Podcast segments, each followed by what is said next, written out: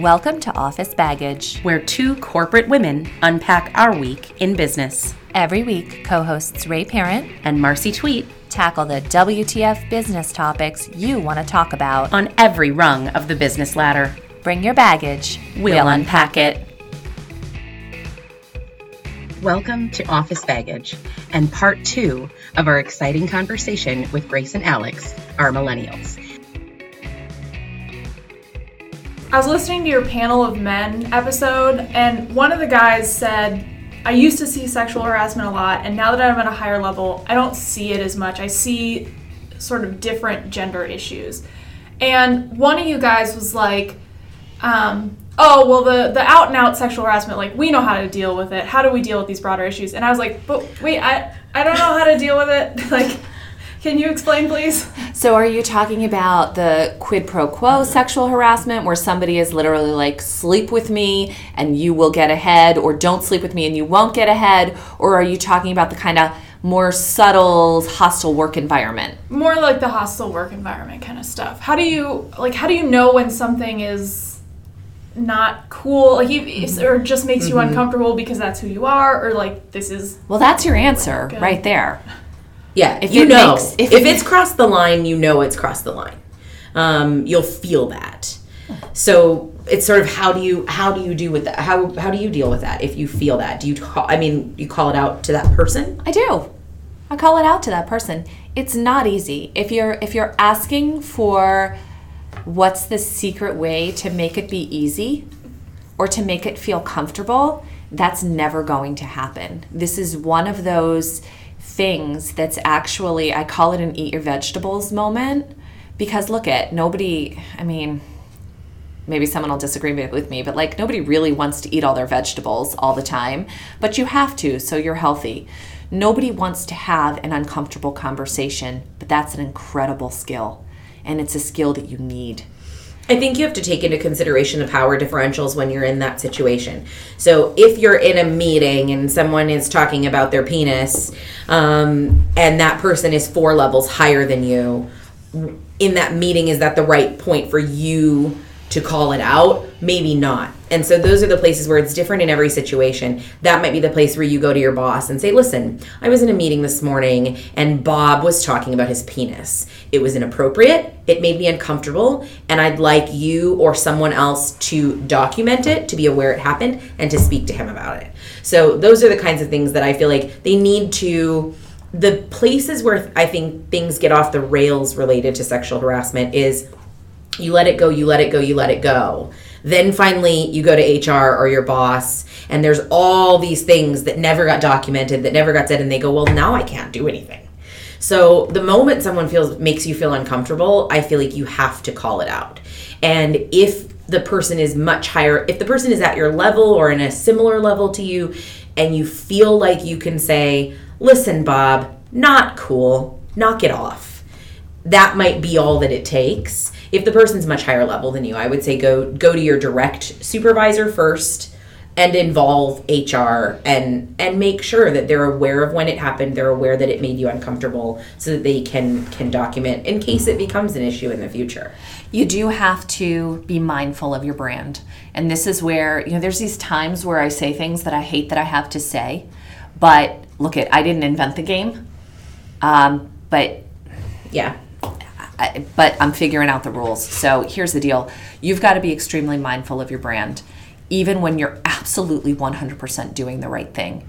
Anybody who listens to the podcast knows what is the rug under which I sweep my feelings inappropriate humor. So I deal with a lot of this stuff with inappropriate humor when it happens on the job, and it, and it does happen. It still happens when I'm in the room. Um, so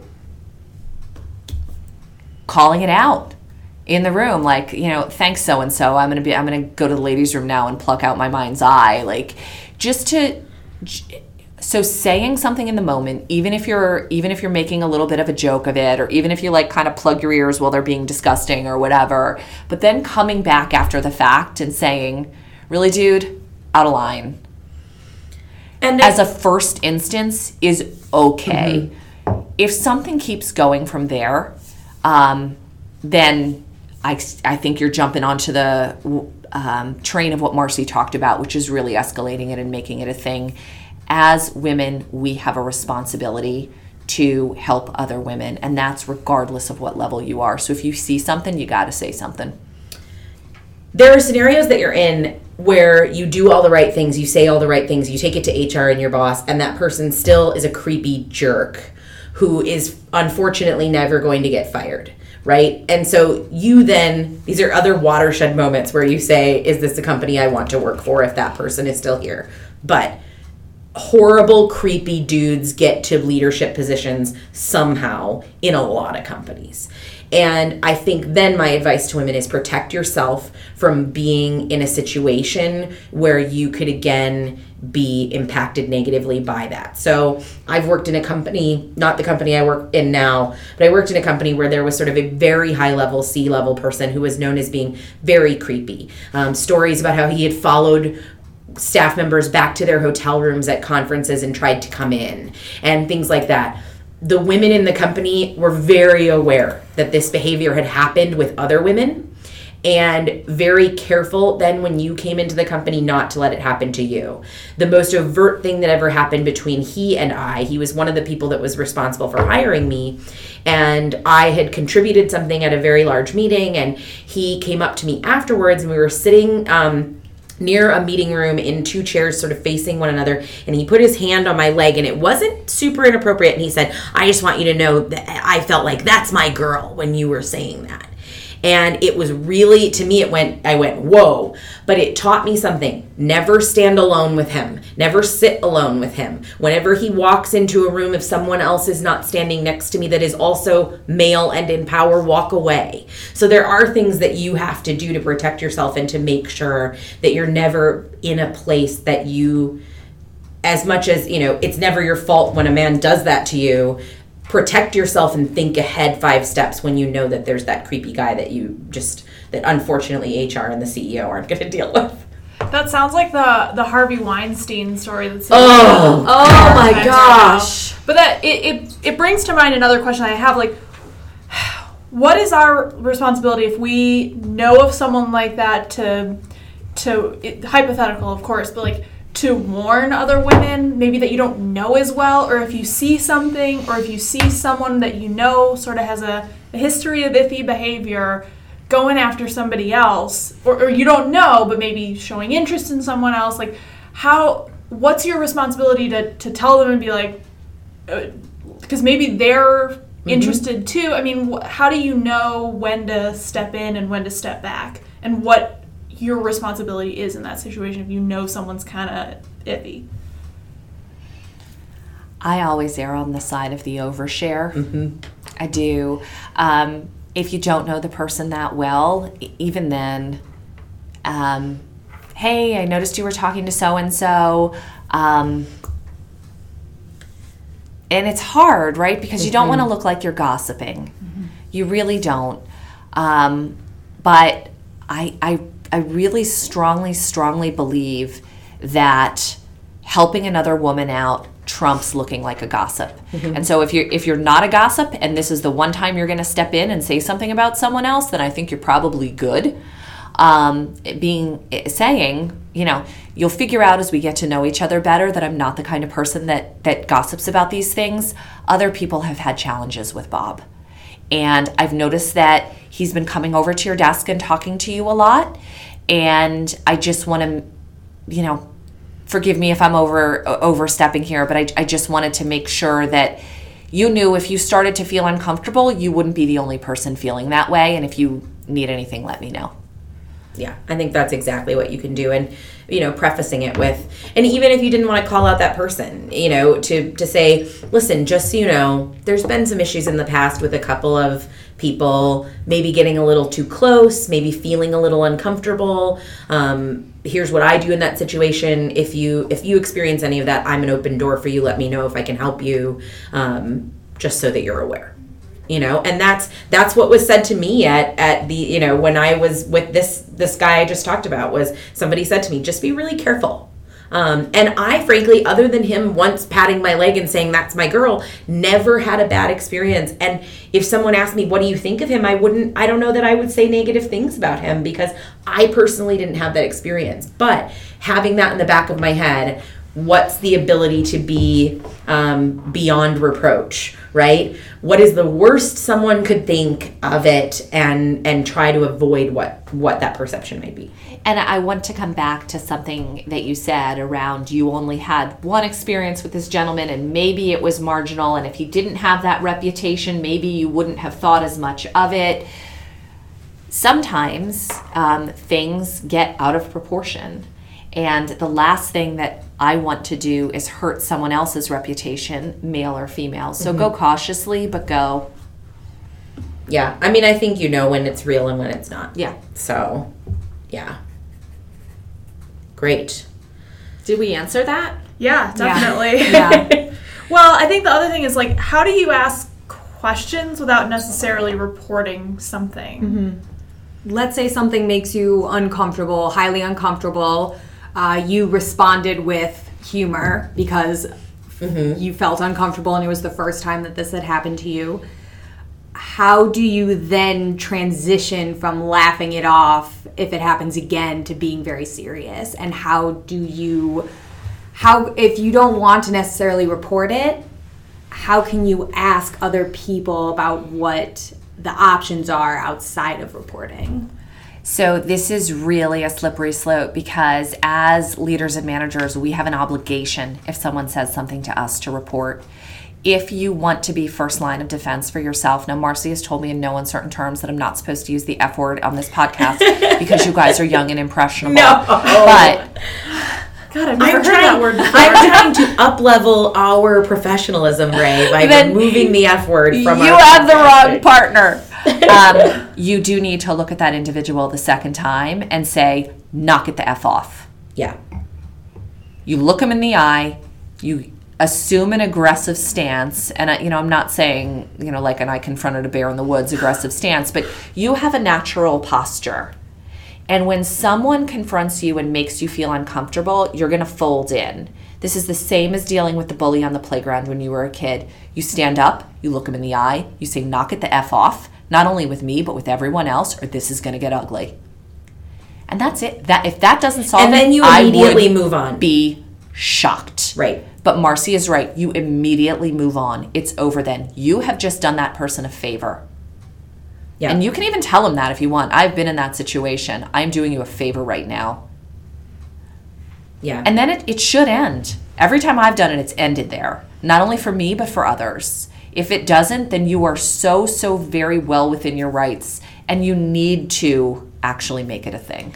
And I think find your male allies as well. There are well-meaning men who get caught up in in not well-meaning men, right? So and that bro culture is a thing. Um, it happens all the time, and so that might be a place where in the situation if it's the second or third time you know joe has said something stupid and i say enough you're done no more that after the meeting I might go up to Brad and say, "Hey Brad, I am sick of the comments from Joe.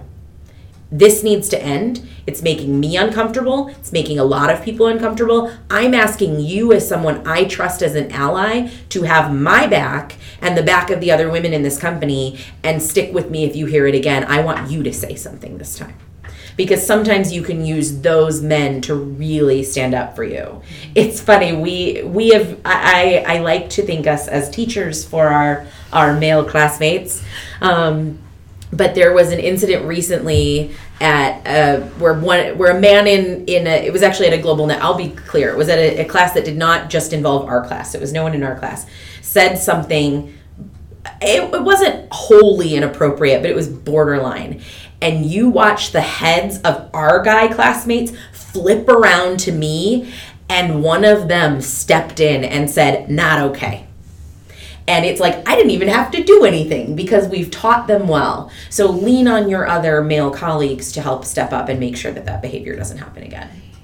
the men hate that stuff. Most of the men, like most guys that I've gotten real with and had a conversation with, they hate that locker room talk as much as we do.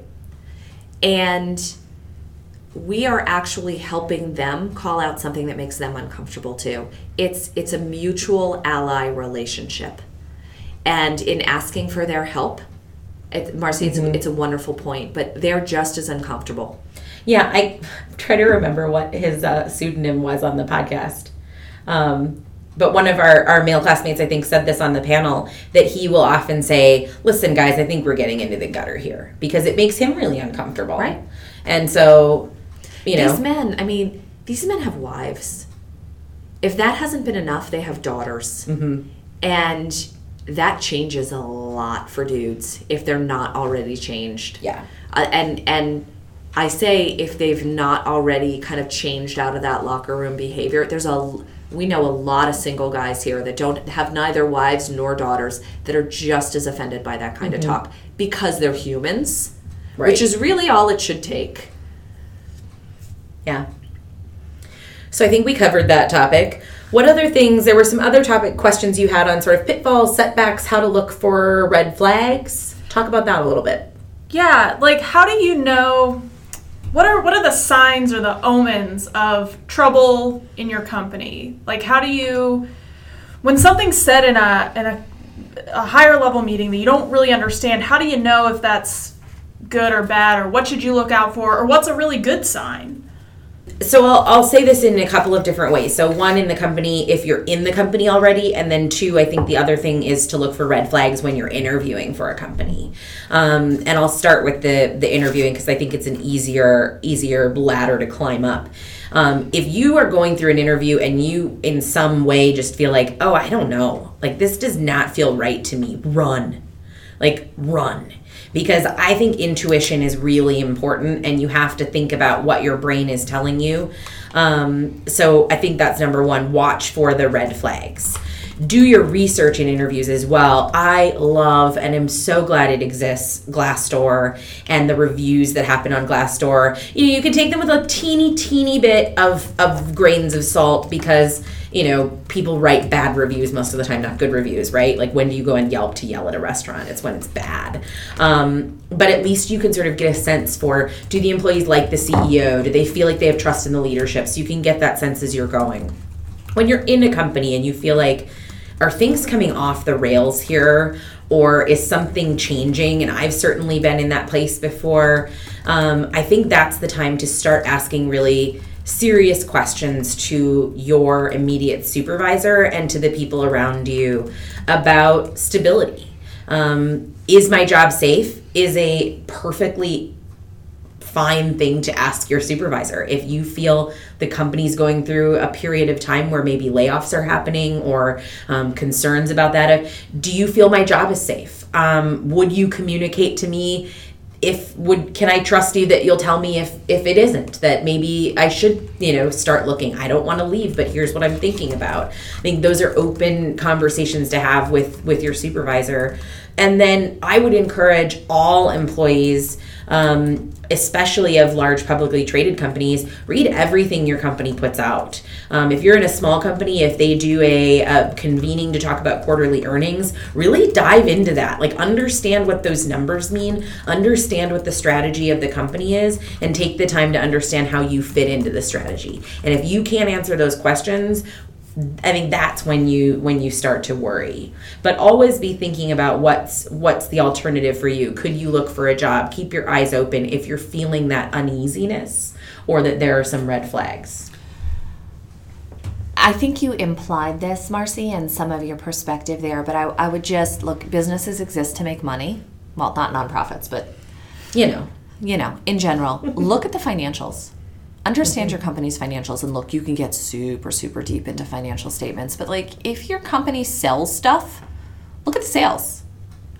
Right? What are sales doing? Have they have they changed meaningfully? If you're a consulting organization, look at your utilization rate versus your bench rate over the last couple of years. Ask for that information. And if there's anything you don't understand, ask the question. And uh, asking your direct supervisor is great, but your direct supervisor might not know. They might not have that natural curiosity. If you don't have a more senior mentor in your organization, you should. So ask that mentor.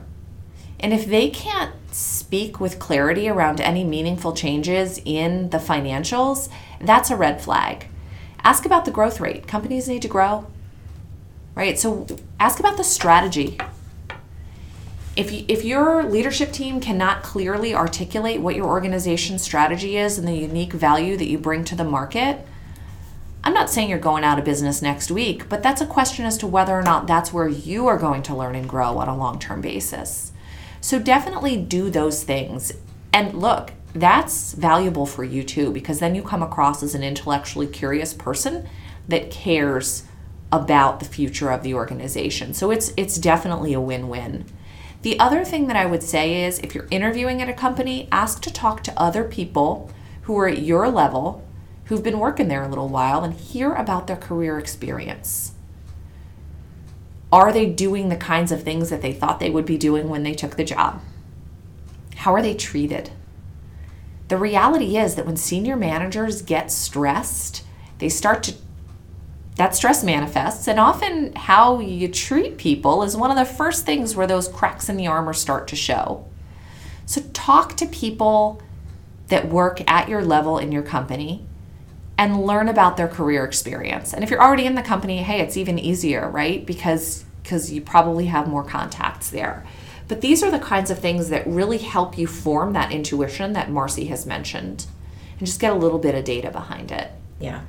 Reach out and understand outside of your own function. I think that's a big, big piece of understanding what others are doing, how they're feeling. And I think, you know, go out to lunch with those people who are in a completely different department than you and say, you know, how are you feeling about what we heard at that big all hands meeting last week? Um, here's how it kind of made me feel, and here are some of my concerns. Do you feel those same concerns? You might hear something from them that's completely different. It might provide you a different set of perspective. right Great. What else? What did we miss here? Anything? Um, so one thing that one question that has been on my mind, especially while considering millennials in the workplace, millennials tend to be slightly less trusting of other individuals. So how can you know who to trust in your company and how can you figure that out? Well, and going along with what we just talked about, how can you find the person you can trust to give it to you straight? Mm-hmm. Because, like, I feel like if there's a problem, I always feel like your boss isn't going to tell you because they don't want to worry you, they don't want to risk you like leaving or something. Not that, not that. Oh, this is gonna sound bad. Not that my bosses aren't trustworthy; they're great. Just, you know. No, it's you're you you should every question you ask is we're taking as not just from you but from your whole generation and everyone that you interact with. you're with. So- speaking on behalf of all millennials yes, We're the No millennial- pressure. You you and I are the millennial representatives, all of us. So You know, so everybody thinks they have great taste in music, everybody thinks they have great taste in clothes, and everybody thinks that they're not a bullshitter. Right? Um, finding the people who are going to give it to you straight is really, really challenging. What I find is I have a reputation as a straight shooter. So we formed a bit of a straight shooter coterie because straight shooters are safe space for other straight shooters. And that can be hard when you're a little more junior in an organization. And so you know, though, you know when you network with people who is spending more of their calories in that conversation managing their brand and trying to look smart and who's just having a conversation with you. I mean, your gut tells you that. You've been you might have only been in the workforce for less than 10 years, but you've been a human for 27 and 28 years. Trust your gut on that. And if someone says to you, I'm going to be honest with you, walk away. Because on it, it's true. I mean, go back to your Don't first. say that. No, it's I- true. sometimes It I is entirely that. true. Go back to your first years of dating. If a boy is like, trust me, that's the boy you run from.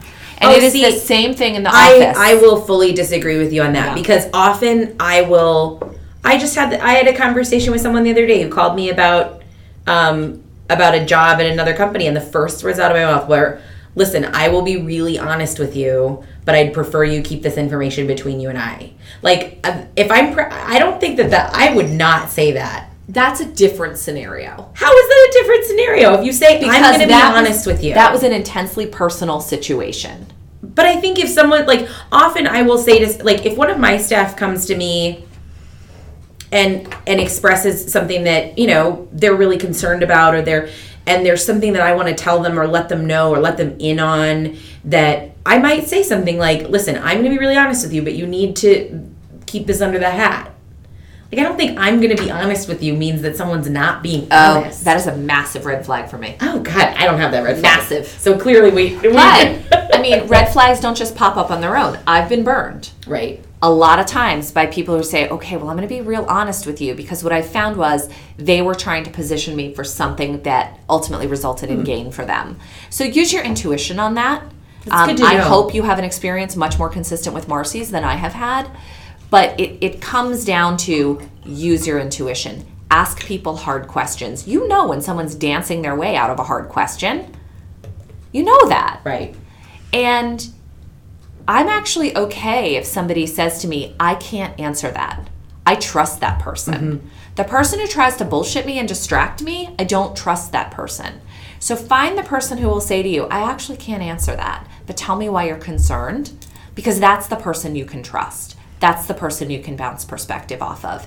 And frankly, if you're dealing with someone who has information that they can't share with you, that's the right level mentor to have. It's funny. You should talk to one of my staff members about this. She always says she knows I'm about to deliver really bad news to an external partner when I say I'm going to shoot straight with you. She's like, I know that the next sentence is like, you really messed this up. it's just, you know, so I think I use it as a tactic. So, but I'm like, no, when I say I'm going to be honest with you, it's because I'm actually being honest with you. I- yeah. So, you know, red flags.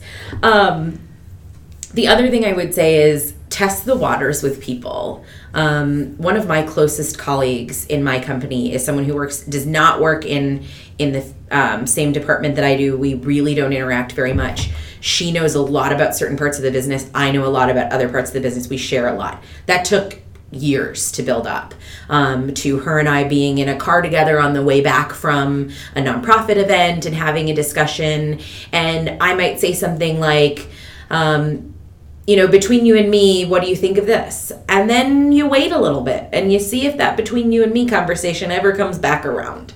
And you learn to trust people and you learn what can be, you know, I use I say in the vault to my, you know, to my team and and to people I trust sometimes of like, okay, let's talk about this, but it's like it's in the vault, right? Like that's it. If you ever have a vaulted conversation with someone and then you find out that that vaulted conversation went elsewhere, like then you know. So test the waters a little bit before you get into the place where you're like, I'm, I'm, you know, I'm afraid for my job, and we need to talk about it because you never know. So it's you have to build up that trust over months and years. That is wonderful, wonderful advice. you, wonderful Ray. advice. Thank you, Ray. Gold star, Marcy. Thanks. So happy with myself. So let's jump to our last set of topics, which were sort of about um, personal brand and perception. So these were a few different things, but tell us what what your burning questions are in that vein. Um, so how do you hypothetically as a millennial if you're put into sort of a higher position where you are managing people or even just giving just instructions or managing part of a project or something how do you deal with managing people who are older than you who might not want to listen to you or who might not want to take you seriously I spent a lot of time in that space, and I've tried. There's been a lot of trial and error, and a, an emphasis on error. Um, and usually, I'm the kind of person who says, "Call it out, put it on the table." This is not a scenario where that works. This is not a scenario where you can say to someone, "I know that you're old enough to be my father, but you have to do what I'm saying here," um, because then you've hit at their pride the only thing you can do is be ridiculously competent and very, very clear on what your expectations are. And then if your expectations are not met, putting it 100% on them. Hey, Sarah, I think that we talked about the importance of delivering on this program by Friday of last week. It is now Monday, and it feels to me like two or three things are outstanding. Can you help me understand what's going on?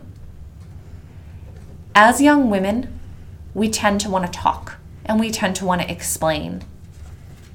You need to sit there and you need to wait for an answer. This is a time where you need to let someone else be uncomfortable. Someone can see when you are uncomfortable. Someone can see if you are intimidated by the fact that they might have more years under their belts, or if you're just feeling insecure or intimidated at all. So, being able to have that crucial conversation and let the other person defend why they have missed something is really all you need to do. Because it should happen one or two times and then be done.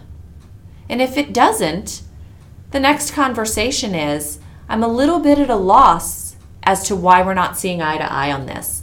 I think it's probably time to bring in one of our HR partners and see if we can get to a point where my expectations resonate with you. Because that's very, very clear. Calling out the power dynamic doesn't work, it hits on egos. But making it about the work and being ridiculously competent yourself is a really effective strategy. I love when you and I disagree about things. It's like my, I love it. So it's funny because Ray and I are really, really similar in a lot of ways, but we are tactically really different leaders. Um, and my so I manage a team that is all older than me. Um, I don't my, my the person on our, we have a specialist on our team who dual reports to a bunch of us who's younger than me, but everyone else on my team that I manage directly is older than me. And my tactic from the beginning has been not to shy away from that fact and not necessarily i agree with you in the sense of calling it out could be patronizing to that person of you know you're old enough to be my father kind of thing for me what i have done is work very very hard at at crafting individual relationships with those people that are based on the fact that i respect their experience very deeply um, i have a member of my team who is absolutely spectacular who's been with my company for 20 she's gonna yell at me because I'm gonna get it wrong. I think 29 years. Her experience is invaluable to me in thousands of ways. And the fact that I so deeply respect her experience is why it makes it really easy for her to work for me, quote unquote, and with me, even though I'm 25 years younger than she is because she knows that I respect her and that I'm coming to the table with respect. So, as a a very young woman in my role, I'm not afraid to recognize that I'm coming in in that position of of sort of less cultural power because I'm young. And I'm also not afraid to call it out. I guess I'm not seeing where the disagreement is. And there's nothing I said that would would should I hope have anyone believing that I don't respect the experience. No, no, no, no. I'm just saying. But sometimes I call it out. Of I know that you've been here a lot longer than I am, and I know that you have a lot more experience than I do. I know you're, you know, I I don't know that I'd ever say I know you're a lot older than I am, but sometimes I call it out in that one-on-one relationship, and that I feel like breaks the ice a little bit. If okay. you sort of recognize the age difference early. So I think there's a critical distinction here because the question was very much about age, and I would never call out the age difference. Calling out an age difference is wrong. And but calling out the experience difference and demonstrating respect relative to the mm-hmm. unique experience that someone has if they've been in role longer, I'm completely on board with that. Yeah. And it is a component of building what is incredibly important, which is that personal relationship. Mm-hmm. But if you do get to a point where it's about the other person no, no, is no, making it that. about age, yeah. that's not the way to handle it. I totally agree with you on that. Yeah, so I think it's, you know, build it's with any team build relationships with that team one-on-one make sure that your relationship with them is strong no matter what their age is um, and then approach those relationships as sort of independent you know sectors of those relationships. If you feel like someone is talking down to you which has happened to me more times than i than i care to admit especially with my south american colleagues having a woman in a position of leadership in in a lot of places in south america but especially having a young woman is very is unheard of in many ways. And i have gotten a lot of oh you're so young you don't know anything kind of stuff. And in that kind of situation the only thing you can do is step up and say i understand that i'm young. And i'm hearing i'm feeling that you're not wanting to take direction from me perhaps because of my age. But here's the situation that we're in. And like you said if that's going to be a problem, then let's bring someone in to help us solve that problem, whether it be your boss, their boss, or the HR department. So it's those kinds of things. Build the relationship as long as you can until it gets bad. I this is another place though where I have deployed the microaggression. So just that split second of that AYFKM face before you move very clearly into something professional. I like your creation of new acronyms. A Y F K M. There's a split second of AYFKM that can pass across your face, and then you move completely professional and hit them with ridiculous competence, mm-hmm. and it should shut it down. Yep. It's good. Well, and how do you repair? I mean, this is a little bit off topic from the age thing, but like, how do you repair a relationship that maybe isn't as strong as it could or should be? That is hard. And I think honesty is the best policy. Um, to say to someone, you know what? I feel like we got off on the wrong foot. And maybe things aren't going the way they could. Can we have have lunch or have coffee just one on one? Because I'd just like to get to know you better as a person, and I feel like that might help our relationship in the office. Because I think we both want to have a good relationship going forward and, and really enjoy working together. And I think if you're just honest about like, listen, clearly this did not start out well or this hasn't been going the way we want. Let's let's both reset and, you know, talk to each other as humans and see where that goes. We're all very fortunate in that we work with really smart people, and really smart people know when you're BSing them. So I love Marcy's approach of just hitting it straight on. Mm-hmm. And it, it doesn't mean that you have to be best friends with everyone, but there is common ground that we all have. And demonstrating an interest in everybody everybody wants to share about the things that are important to them be that children or a dog or a passion outside of work people love to share.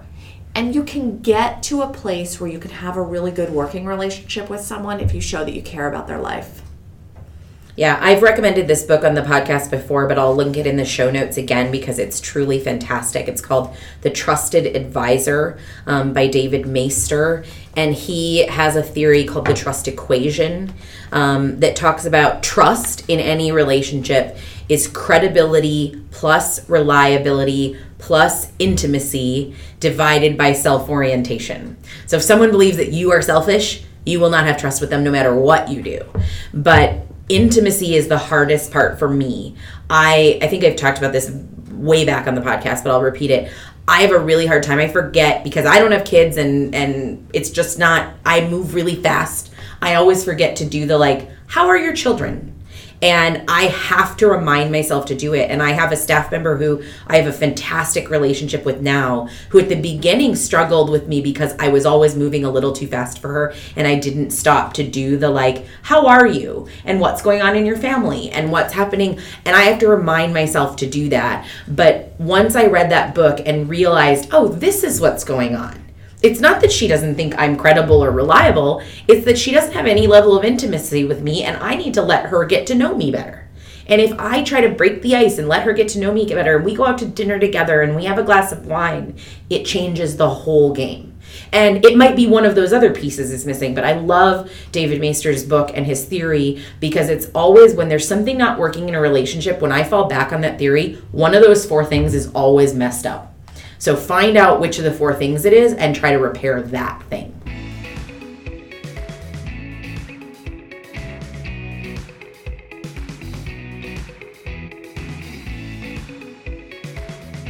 So, one thing that I have been thinking about a lot in my career is something that I think a lot of people who are also millennials have thought about or are dealing with. A lot of us have tattoos and facial piercings. One in four have a non earlobe piercing, and four in ten have a tattoo. If you are non traditional, if you're presenting in a non traditional way, how do you navigate that in a corporate environment? Can I just tell you something? As you were asking that question, I noticed that you have a nose ring. Yes. I've been sitting here with you for two hours and I didn't notice. And here, and the reason is what I will say about this. If you have executive presence, none of those things will matter. Doesn't matter. If you show up, Well, let Now, me, listen. unless it's extreme. Like if you have an entire face full of skull tattoo. Yeah, no, if you got a Mike Tyson like on your eye, that might be harder. It might be harder to get over. But even then, if you show up and you are competent, professional, easy to talk to, well kempt, like you don't even I didn't even notice it. It wasn't until you started asking the question that I was like, "Oh, Alex has a nose ring." Like it didn't even pop into my head. So those things fold into the background of someone if they show up in a way that feels professional and and forthright. So that kind of thing I I just don't have that much of an issue with. I think there are industries still that don't want, you know, I think banking is one of them, right? Um, that don't want visible tattoos showing and some of those things. So, my advice to anyone, millennial or not, would be when you're getting a tattoo, think about what that might do, right? There will be people who don't want to hire an external salesperson who has a sleeve, right? And that's one of those things. So, you have to think those things through and be willing to confront the bias that people might have against you but i think you do a lot to eliminate those biases when you show up in in a really professional way I think you're spot on. Um, I'll, I'll take it a step further. It, it's about compensation. So you have to understand the culture of the environment that you're in. And if your nose ring is a, is a way that you express yourself, and I also didn't even notice it until until uh, just now, um, then maybe dress a little more conservatively um, a couple of times a week so that you're you're rounding out the full picture that people have in their mind relative to you. Because as much as it stinks that people form an impression of you the split second that they see you that's the reality. And people are forming that impression of you and you're forming that impression of them. I i'm not sure we ever talked about this. I used to have this thing for shoes like the crazier the better and I would say that what happens from my ankles down is all mine, but from the ankles up, I will be in a pantsuit. Like I will look like Hillary Clinton, but there's a Louboutin that's six inches on my feet, right? I can't do that anymore because I'm old AF and I can't walk in them. But um, I, I didn't necessarily realize it at the time, but that was an overall total package compensation strategy for me and it was necessary in the industries in which I worked in which were very male dominated and very conservative. It's different now. Things are changing now. But just take totality into the picture. And also understand that once you have been someplace and you've really anchored everybody in what you are as a human and the value you drive, well, then you can loosen things up a little bit. And I think it's a part of your overall brand as well. Um, one of my favorite people in, in Minneapolis that I know well, her name is Alexis Walsko. She runs a PR company called Lola Red, and she works with big, big, big dog clients. Alexis is, I pulled up a picture. We're going to see Alexis' picture. She has blonde, like white blonde hair, short hair, kind of, you know, curly and spiky. Alexis always has red lips and pink lips and she dresses so colorfully. And she has this persona as like this bigger larger than life kind of person and so creative. And she would wear all of that stuff to go to a meeting with US Bank as quickly as she'd use it to go to a meeting with Target, to go to a meeting with Best Buy, because that's who she is. And Alexis lives in a world where if someone ever said, like, I don't want to hire you because you're too outlandish, she'd go, then you're not my client you know? So if that's a if you know if someone has a lot of tattoos right and their tattoos are a huge part of them you need to own them as a part of your brand. And if somebody didn't want to hire you because of it then it's not the right company for you to work in anyway. So if that's who you are as a creative and and you want to be seen in that way then great you know where if your brand is somebody who's more sort of um, corporate and and you know specific then you might have you might wear a black suit every day. Like it's express yourself in the way that it works for you and then find the company that's comfortable for you to express yourself into and it's okay to be a creative or a rocker or whatever outside of work and be something else inside of work. I mean i, I think that dichotomy can be very healthy I also think it can go too far and be I think of bipolar. that Casual Friday um, episode of Sex in the City where the guy comes in with like the they did Casual Friday in Miranda's office and he comes in with like the um, mesh top and leather pants and stuff and it's like okay Didn't need to know that about far, you, right? But we have uh, we have a gentleman in our EMBA cohort, Jordan. He's been on the podcast and he has um, sleeves. He's got some beautiful tattoos. And he chooses. and he's to- a banker He's a banker. he's a banker he wears a suit every day so you'd never know You'd never know, and that that's okay. They're they're they're both Jordan. Um, it- it's okay to have pieces of both. You just choose what you want your personal brand to be Yeah. in the office. So I was reading these questions uh, this morning. You guys sent us a lovely outline. Thank you for that. Um, and I sort of extrapolated this question a little bit more for. Um, I know there are a lot of millennials who are a lot more fluid about gender and presentation. So when we originally wrote this question, we definitely meant like piercings and tattoos. But now that I'm thinking about it, how do people who don't necessarily identify as one gender or the other, like, how do they find workplaces that will accept them and how do they go about, you know, presenting that way? And I, I'm asking this as someone who who is very who is cisgender and, and Yeah. very comfortable in her personal gender. So I know it's not something I have to deal with, but you know, we have friends that do. So I'd say two things. Um, one, there are incredible indices like the Human Rights um, or Human Rights Watch index and um, Human Rights Campaign has an index of companies that are great places for um, diverse candidates to apply. So when you're looking, your company is on a lot of those lists, Oh, which yeah. is fantastic. For a Um, 165 year old insurance company, I am so GD proud of us in that regard. Yeah. So look for the so when you're looking for jobs, look for companies that have that reputation of being really um, great spaces for people who um, are GLBTQ or diverse candidates in general. So I think that's a good place to start. The second thing I would say is when you are interviewing, develop and practice it as much as you possibly can the ability to put it on the table at first. Um, to say, to come in, sit down in the interview and say, sometimes I know it's a little uncomfortable for people because I'm transgender or because I'm, you know, whatever the fill in the blank of whatever that word is. Here's how I like to talk about it, and here's how I like to be referred to. I actually just had this conversation with someone in my company um, who has a friend who who transitioned recently, and she said, I don't know how to how to refer to she was a woman and has transitioned to be male and she said i don't know how to refer to her because is it her? Is, is she they? Is she whatever? And i said what you need to do is ask that person what pronoun do you like to be used for you and what name do you like to be used for you? And then they will tell you and let them know. So i think unfortunately right now the onus is still on the trans person to go into that interview and the worst thing you can do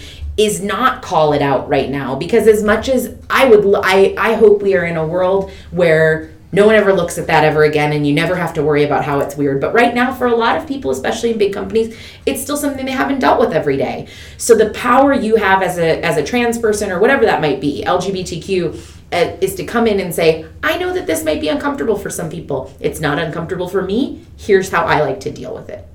If you can put it on the table, same thing. If you got facial tattoos, the first thing you say to the HR person when you meet them is, I know sometimes it weirds people out that I've got a facial tattoo. Here's how I generally deal with it. You know, putting it on the table, you will get so much respect. I think you've done a wonderful job about uh, talking about what the individual who is um, gender fluid or has the facial tattoo or whatever, how they need to come to the table. The challenge for each of us is to ask that individual what we need to do to advocate. Every single one of us has a role. We are at such a cool point in history because we can look back and see what it was like for African Americans to come into the workplace, we for women to come into roles, right? We have the ability to make it easier for other groups. That's our job now. And so we have to ask. And so much of what I've learned over the last few years with all of the diversity work that candidly my company has put me through and that I've done on my own is it is okay to ask. It's When- preferable. It is preferable Yeah. to ask if you're uncomfortable with the question and you say, I'm uncomfortable with the question, but I'd like to help advocate, or I am very much an ally, but I don't know how to be an ally. And you ask that person for perspective and advice. If you use the wrong word, they're not going to be upset with you. You have to have skin thick enough to hear you've used the wrong word and what the right word is, but hey, okay, fine, you're learning a new skill. And I, I wanted to make sure that we were talking about our roles as cisgender individuals and as a, group that's as a group of females who still has our challenges, but way easier than anybody who's gender fluid faces in helping that group. Well, and even the fact, Grace, that you asked this question and you're using, like, the four of us are sitting here know what the term cisgendered means. Most of our business leaders don't. They just have no idea, right? And so, even as as young people because I will I think young people are just more aware of this. We, you know, we grew up in an in an era that was more open than anybody's, uh, you know, experience has ever been in the past. Just being able to educate people in the conversations you have with them as allies is really really powerful. So, you know, it's it's good. They're good things to do. Share articles and share those kinds of things because I think I think leaders want to know. So, yeah. It's hard work. It's hard, uncomfortable work. But when you're through something, and when you that's where you make a difference. And that's that's kind of the best part. Okay, so our last question was actually posited by a male coworker, but I actually had an experience recently that um, sort of speaks to this a little bit. So he asked, um, How do you navigate the communication differences between male and female superiors? And recently, I was having my quarterly review with my coach um, at work, and uh, my coach now is a man. He's a, a new hire. He came on, what, four or five months ago? And he's great. We have a great relationship. I really like him. And my coach before that was my manager of four and a half years, who is a woman, and she's great. We have a great relationship. So when this uh, male manager came on, they moved me to him as a coach because, you know, I still have a great relationship with my manager. She's not going to stop giving me advice. But we have these sheets that we fill out that, like, what are your goals? And every quarter you check in, you know, mm-hmm. standard issue stuff. So when she and I discussed my goals, she was like, okay, this is the level above you, you know, find where you're not meeting and have those be your goals. So when I sat down with him, he's like, well, your first goal should be, I want a promotion to this level. And I was like, I didn't even know I could ask for that. Um, but it was just, they had very different coaching styles. And uh, how do you, how do you navigate that? How do you sort of get the most out of both interactions? Because I think they both have, have great things to add. So you remember when I was talking about that awful diversity conference on our last um, last podcast or a couple podcasts ago? Um, same conference, and one of the things I I didn't call this one out, someone else did, is was this constant narrative that men and women communicate differently. Men and women communicate differently, and finally someone stood up and said, "Humans communicate differently." it isn't male and female because you will get female bosses who are like super want you to be super ambitious want you to climb the ladder want you to get to that next level you'll get male bosses who are like that. You'll get female bosses who are more passive you'll get male bosses who are more passive. So i would answer the question of don't make it about men versus women. It's just a different tactic and a different strategy that those bosses are coming at. And whoever the person is whether a superior a colleague a boss um, that you are meeting for the first time, working with for the first time, everyone communicates differently because we all bring to the table a, a- great bevy of background and knowledge and culture and upbringing. And so meet that person where they are, find out what their communication style is. And my favorite, is someone, it's very cheesy, but someone said the golden rule shouldn't, it shouldn't be the golden rule, it should be the platinum rule. Because the golden rule is treat people the way you want to be treated. The platinum rule is treat people the way they want to be treated. And that I think is a great thing. Communicate to someone and work with someone as much as you can in the way that they like to be worked with. And in those moments, don't lose the opportunity to learn how to be the leader that you want to be. And it's just a different way of saying what Marcy said, which is the platinum rule. I'm completely in agreement. You know, I tend to be the person who coaches around, well, what are you looking for? You're trying to get promoted? You're trying to, cause, because that's how I'm geared. So it's very much what I'm familiar with. I've learned over the last couple of years to understand the individual across the table from me a little better before I hit them with my tsunami of like ladder climbing advice. uh, and that, that takes work on my part. But I've learned that through the times I've sat down across the table from someone. I've been the mentee, they've been the mentor, and I'm like, they have no idea who I am. So just learn from every experience. And it allows you to shape as a as a person who's you know younger in your career what kind of a boss do you want to be um, what worked for you, what didn't work for you, and it, then you, when you become a leader, can adjust your tactics the way that it will work for the person that you're managing as well. and we're kind of coming full circle here, but you know, we talked a little bit about when to switch jobs. If you've learned as much as you can, or if you've learned 80, but you can always keep learning from people, right? Of course, but if you've really understood and learned a ton from your current supervisor, even if you love them, it's probably time to expose yourself to different leadership styles because all of those different leadership styles are going to form the toolkit of who you become. Yeah. And if it's, you know, there are, you'll be in instances where you're reporting to a bad leader. Even that is a great opportunity to learn. Step back, take notes, say, what don't I want to do in the future because I'm watching this person do it and I want to learn from not what not to do. Mm-hmm. It's, you know, always a learning experience. Sometimes you really need to see your worst characteristics played out in someone else before you're like, oh, I get it. Yeah, I do that sometimes, and it's awful. It, it feels badly when someone does that. Mm-hmm. Yeah. So the last question, and we'll conclude with this that you asked us, which I love, is, and I'm going to make you start, is what is a piece of advice you got or wish that you had gotten early in your career that helped you get where you are today? Um, My favorite question you asked. It's a really, really, really good question. It's a really hard question. Um, and I, I hate having to answer it first because typically what would happen is you would answer it first, Marcy, and then I would basically do something I do really well, which is repeat what you said, but use some slightly or fancy words and try to make it sound better. Or maybe just put the emphasis on a different syllable and somehow make it sound fresh. That's a piece of advice all in itself. I know, right? Sheep eating. sheep eating. Yay. Yes. Um, Are you sheep eating me? I'm gonna use that. Like, stop sheep eating me, Ray. Um, it's to be brave. You're never going to be ready. You're never going to feel ready. Be brave. Um, I saw, I saw a wonderful, wonderful quote the other day. It had something like blah blah blah blah. blah the universe listens to brave. Be brave. Um, there's no reason for you to think that anybody has any more talent or capability than you do. Mm-hmm. And the absolute worst thing that can happen is that you try something and you fail.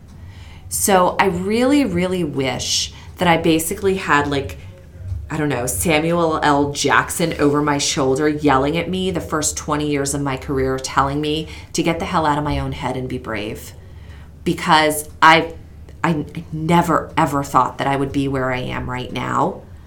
But had I had a little more courage, had I trusted myself a little more, had I been a little more brave, had I smashed that funhouse mirror that I still see myself in, where would I be right now? And where could I go? So be brave. Yeah, and mine, um, I always like I've said this so many times to people, and I clear I literally can't remember who said it to me. I should try to rack my brain about it. Um, someone once said to me that no one is replaceable, and in the sense of and the analogy that this person used that I've used a ton since then is think of any person in an organization like an arm in a five gallon bucket of water. That arm is a huge force on that bucket of water and it can make a huge difference. But the minute you pull it out, the water fills in. And I think I say this to women all the time because we say things to ourselves like, I can't leave. They need me. I need to work until nine o'clock because it has to get done. And it, you know, this is so important and it's so stressful and it's all those things. And that belief and knowledge that companies will keep moving without you and you are as important as you might be, even the CEO. When the CEO leaves, the whole company doesn't crumble, right? And so if you keep that, I feel like we all get in our heads and we get so stressed every single day. If you sort of remember, listen, no one dies here today, right? There are people who go out and save lives every day. We work in corporate. Like this like no one dies here today. And so for me, I think that perspective is really important of, you know, the no one's replaceable. And then just recently, um, similar advice of the company can't love you back. It's not the company's job to love you back, and it's not supposed to love you back. it's the company's job to accomplish its mission. And that's not always a bad thing. And it's so it's those kinds of things of know that you know as big of a force as you can be in that company, as big of a uh, an opportunity as you can have, you have to take care of you first. This has been fun. Yeah. I don't know. Can we get to there? Can we end on like? I feel like we ended on an uplifting note, which is great, but not really a brand. Like to end on a pessimistic note. no, I'd like to end But, on a um, like, I, right? Yes. I'd like to. I even if we cut it or replace Yeah, it, that's I fine. want to know your best mansplain or your like your biggest. yeah, do you have what a- the you have fuck mansplains? moment? Yeah. I have two really good mansplaining incidents that have happened to me within the past two months. So very re- two very recent stories. Uh, the first one is someone tried to mansplain to me how Netflix works. I have been using it for over a decade. Thank you for explaining. Oh my gosh. Shut up. My next example is someone tried to explain to me how sexism works and what is and is not sexist. Could you please go a little deeper because I feel like I need to learn from this person's wisdom or at least cackle at it.